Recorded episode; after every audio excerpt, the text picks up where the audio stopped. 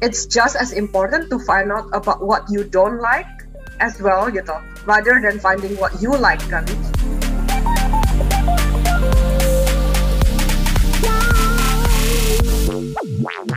Selamat datang di 15 menitan official podcast by Broadening di mana kita membagi cerita generasi muda yang masih berjuang untuk masa depan mereka dan masa depan Indonesia. Di sini ada aku Stefan sebagai host dan juga perkenalkan ada aku Nia sebagai co-host yang akan menemani Stefan dalam 15 menitan ke depan. Pastan kita udah ngobrol banyak sama Vivian tentang gimana sih perjalanannya dia mendapatkan beasiswa untuk SMA di Singapura dan akhirnya itu menghantarkannya dia sampai ke UK sekarang. Dan selama perjalanan itu dia menemukan bagaimana dia punya interest terhadap banyak banget hal gitu kan. Tapi gimana sih akhirnya dia bisa menemukan kayak satu bidang yang atau mungkin beberapa bidang yang emang dia benar-benar inginkan Langsung aja ini adalah conversation kita with Vivian Bali. Tapi aku kepingin hanya sesuatu yang menarik juga dari CV-mu gitu kan. Ini karena kita punya catatan banyak tentang bergelimang CV Vivian Bali yang Enggak. bisa jadi contoh semua orang gitu kan. I mean, beside of your amazing academic achievements, kita juga bisa lihat bahwa kamu aktif in a lot of areas gitu kan. Gak cuma engineering, engineering and science wise gitu. I mean, you're active in a lot of stuff. I mean, kenapa kamu memutuskan mungkin kamu bisa cerita dikit ya kayak what are you uh, what have you been doing aside from your main study and kenapa kamu memutuskan untuk melakukan itu? Mm, yeah, honestly, the short answer yeah is that I'm gonna make sure you know the money that my parents spend on is gonna be used to.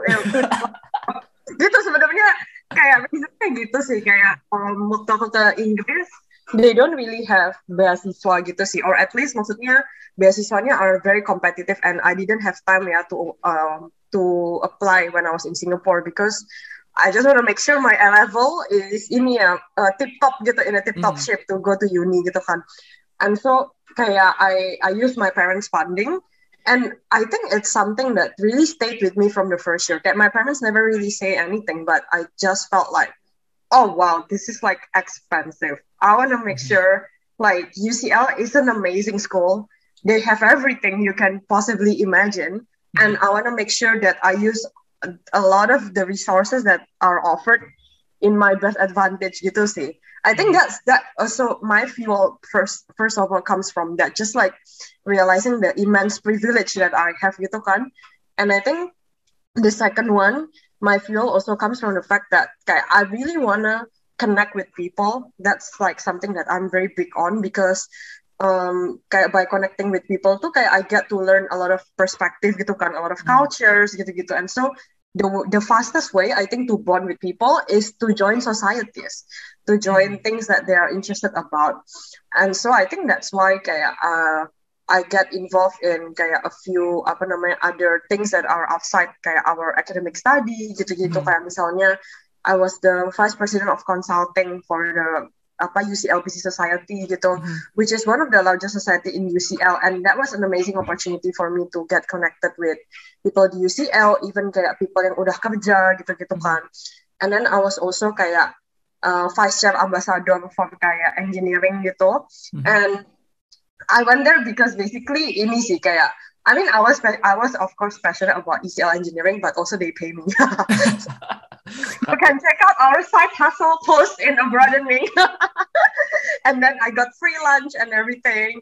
So that's quite nice gitu. So yeah. I think uh, it's just um, a lot of factors kayak I just want to make sure that I get I, I get to use the best um, of this opportunity gitu. That's most. Uh, tapi kayak yang sebenarnya aku lihat dari what your experience gitu kan, you try a lot of things gitu kan, for mm. engineering and then business education and organization wise. How do you find kayak but is there something that you really find ah I really want to do this gitu dari experience-mu? Mm.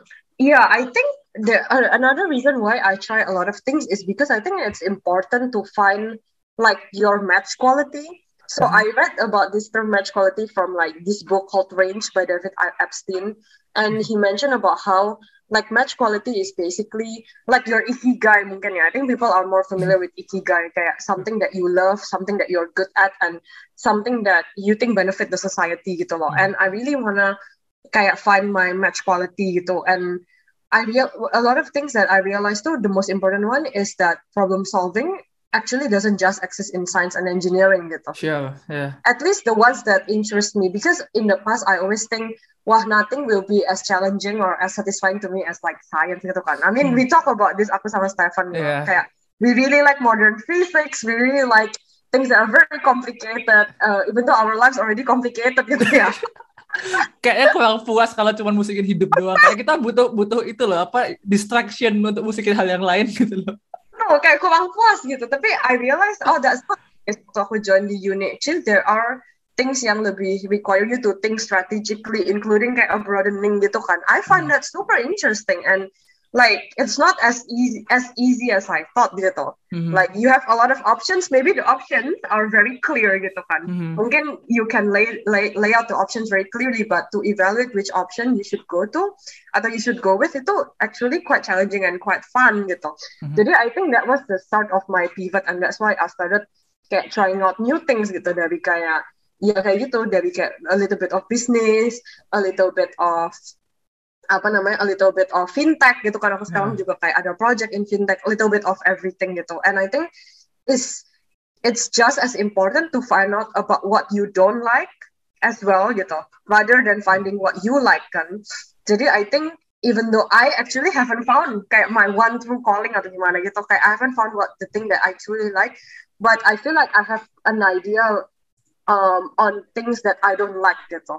Which I think is just as important Actually, it seems kelihatannya gampang gak sih define mana yang kita suka dan mana yang kita nggak suka. Cuman pasti sebelumnya banyak kayak prosesnya nggak sih buat menemukan hal tersebut. Dan kayak melihat sekarang kamu terlihat baik-baik aja. Kayak aku penasaran Baik-baik sih kayak. What? you know what I mean kayak we don't know kayak the why the process di iceberg kita nggak ngerti cuman lihat atasnya doang kayak aku pengen tahu sih seberapa banyak energi yang sebenarnya kamu invest buat bisa achieve hal-hal yang akhirnya kamu dapati saat ini. A few things sih. Oke, ini a few things. Yang pertama, kayaknya memang secara DNA gue tuh orang yang energetik gitu memang. I could Nah. see it definitely. Oh, Ya, kayak gitu banget. Mama aku tuh cerita waktu aku kayak babu melek dilahirkan gitu ya, kakiku tuh udah nendang-nendang gitu. Terus kayak I Oh. used to be one yang lain baru lahir langsung ngerjain soal fisika gitu loh takutnya. Gak, gak, gak. Masalah, aku tidak sehebat itu. Itu kamu kali ya, calon PhD. nah, terus kayak waktu, aku tuh inget banget waktu cerita, kayak I used to be kayak that one baby yang kalau nangis itu kayak wake up the whole ward of hospital gitu. kayak, kayak aku nangis, orang nangis gitu kan. So heard Musingin dia bu dari dulu ternyata. usil dari dulu. Kayak I heard this kind of anecdotes and so I think kayak I've always been someone yang extrovert and a lot of energy and things like this. Tapi I think another part yang I think you know sort of give me a lot of energy itu lebih ke kayak just apa ya like being able to have control of your time and having self discipline sih. And I Mhm. think it's something yang I'm still definitely working on gitu. Because I realize for me and probably for most humans, I just need to get enough sleep gitu in order for me to become my struggle in the past is like I want to have sleep but I also want to watch Netflix and I often forgo sleep for Netflix gitu kan for kayak Yeah. momentary reward or like momentary senang aja gitu. I mean I just picked Money High season 5 so you know I'm definitely still working on it. Tapi yeah uh, so I think that's what's important sih. Just like being able to have self discipline and being able to manage my time. And another thing itu I really tried when I do a task I really focus on it gitu. You know jadi kayak aku Uh-huh. nggak kayak aku tuh beneran sometimes even kalau emang tugasnya tuh susah gitu ya I put my phone on airplane mode and any of these things.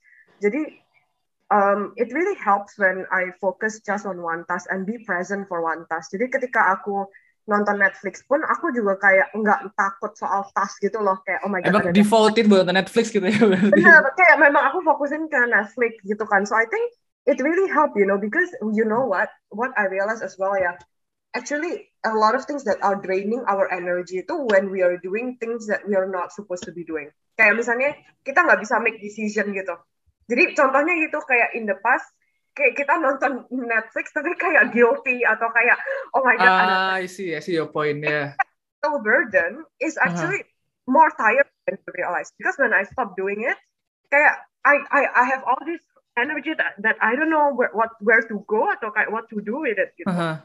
So kayak I really try for me personally I'm a planner gitu. So I try to plan my days beneran very very well gitu. Mhm. Because that's what's tiring for me. Two things. One is like when that mental energy when you're doing things you know not supposed doing. Yang kedua is when you keep switching task and you cannot find your flow state gitu kan. So flow state itu is basically a state where you work and time just passes by gitu. If you Mhm. kayak kalau kamu pernah ngerasain gitu kan. I mean not saying every task has to be in the flow state gitu, but kayak I try to gitu. Because switching from different tasks from different tabs, I think that in itself was also quite tiring for me. Yeah, I agree. But how do you take your a step back gitu? Karena kan kadang kita Betul. so immersed to a lot of stuff gitu kan, juggling a lot of stuff. Do you have any way yang kamu lakukan dengan itu it works for you gitu kan? How to compose yourself gitu? How do you find composure and peace gitu misalnya? Well, ini sih, I definitely am not the best person yang working on it, but I I do a lot of yoga and meditation, as I probably have told you Ah. guys so many times, because kayak yeah, I'm such a huge proponent for it gitu sih. I think kayak being able to meditate uh, really helped me to focus, and it's actually not that difficult, right? Kayak Hmm. uh, apa namanya? It's actually really like it's not as if you don't have to think about anything. I think that's the most kayak common misconception. But the thing is just that you just have to be aware of your thoughts. Kalau kamu lagi Mhm. mikirin makanan, ya udah be aware gitu, and then let it go gitu kan. So I think kayak meditation even though difficult, but I really try to practice it. And another one too is yoga. Yeah, I think it's Mhm. something that I really really um like apa ya value in my life. Kayak I even wake up very early um in the weekends to do it, and all my friends Wow. know like morning person. Aku tuh bukan nggak bisa bangun pagi gitu, except for yoga gitu. I just And for like recording this, exactly. yeah, makanya kan. Um, and apa namanya? Yeah, I think it's very nice when I'm able to come to the yoga mat and ka- kayak meet myself gitu. When I Uh-huh. check out all my problems at the door and just focus on my body, focus on my mental, physical health. So Mhm. yeah, I think sometimes oh, me in the past gitu ya, we think aduh exercise kayak gini tuh satu jam dua jam I could have been doing something else gitu kayak PR atau tugas banyak berebek belum selesai. Mhm. Then I realize ya tugas tuh nggak pernah selesai loh, ya nggak sih? yeah. You can always find another thing to do gitu. You can always Mhm. there's always gonna be people who ask for meeting atau gimana. Then I realize, okay, I do need this two like two hour just to make sure the next one week gitu loh is good, you know? Like Mhm, that mhm. hour trade off is super valuable to make sure you have a good one week for me. Iya, apalagi kayak sekarang aku sadar kayak kita have meeting terus menerus karena apalagi with this corona thing. Jadi kayak somehow Ah. kita jadi banyak banget kerjaan kan. Tapi something that we a lot of time neglect itu kan soal kayak our me- mental and physical state gitu. Bahkan kemarin kita baru ada meme gitu kan. Kerja kerja kerja tipes Aduh. so, just, I mean kayak yang kamu bilang itu kayak benar tuh loh how we need to take a step back dan, dan kamu gimana kayak do you feel any change after you been doing it routinely Oh, definitely. Yeah, definitely. Um, it, it is though something yang I have to say, it's not instant gitu. So I think a lot of people mungkin give up some meditation because they expect to feel different overnight gitu atau over a week or maybe over a month. But I feel a lot of changes. Yang pertama yaitu I was able to focus on my work and I was able to use my time efficiently gitu kan as a result. Terus yang kedua yang lebih spiritual level yang nggak nggak ada hubungannya sama productivity sih, kayak aku tuh kayak lebih sabar gitu. Mhm. Kayak maksudnya sabar in a sense kayak oh if people are having bad mood atau bad day itu ya udah I let go aja gitu. I feel like in the past aku tuh ya bukannya dendam atau gimana ya. In the past tuh aku kayak lumayan bothered in a sense kayak oh what? This guy problem atau what this girl's Hmm. problem? gitu. Tapi kalau sekarang tuh kayak ayah ya udahlah. Aku kayak jadi lebih easy going gitu ya udahlah gitu. There are a lot of things that you can control right? Kayak lebih ya udahlah kayak lebih gampang let go aja and then um so I really enjoy that as well. Because sometimes kan people don't mean also right? Kayak they make Hmm. mistake they don't realize ini gini kayak ya udah biarin aja gitu jadi aku Yeah. lebih kayak woles saya gitu setelah kita ngebahas banyak tentang how to find the ultimate thing to pursue, Vivian juga punya mimpi besar terutama di bidang pendidikan. Tapi how does she manage actually all of these side hustle things that she's been doing? Karena itu tentunya nggak mudah kan. So, dengarkan cerita Vivian selanjutnya in the next episode of 15 menitan. Jangan lupa follow kami di Instagram at 15 menitan dan at uploading.id. Subscribe di platform podcast favorit kalian dan subscribe, like, dan komen di channel YouTube kita yang baru. Isu 15 menitan, official podcast by Uploading. See you next time. Bye-bye.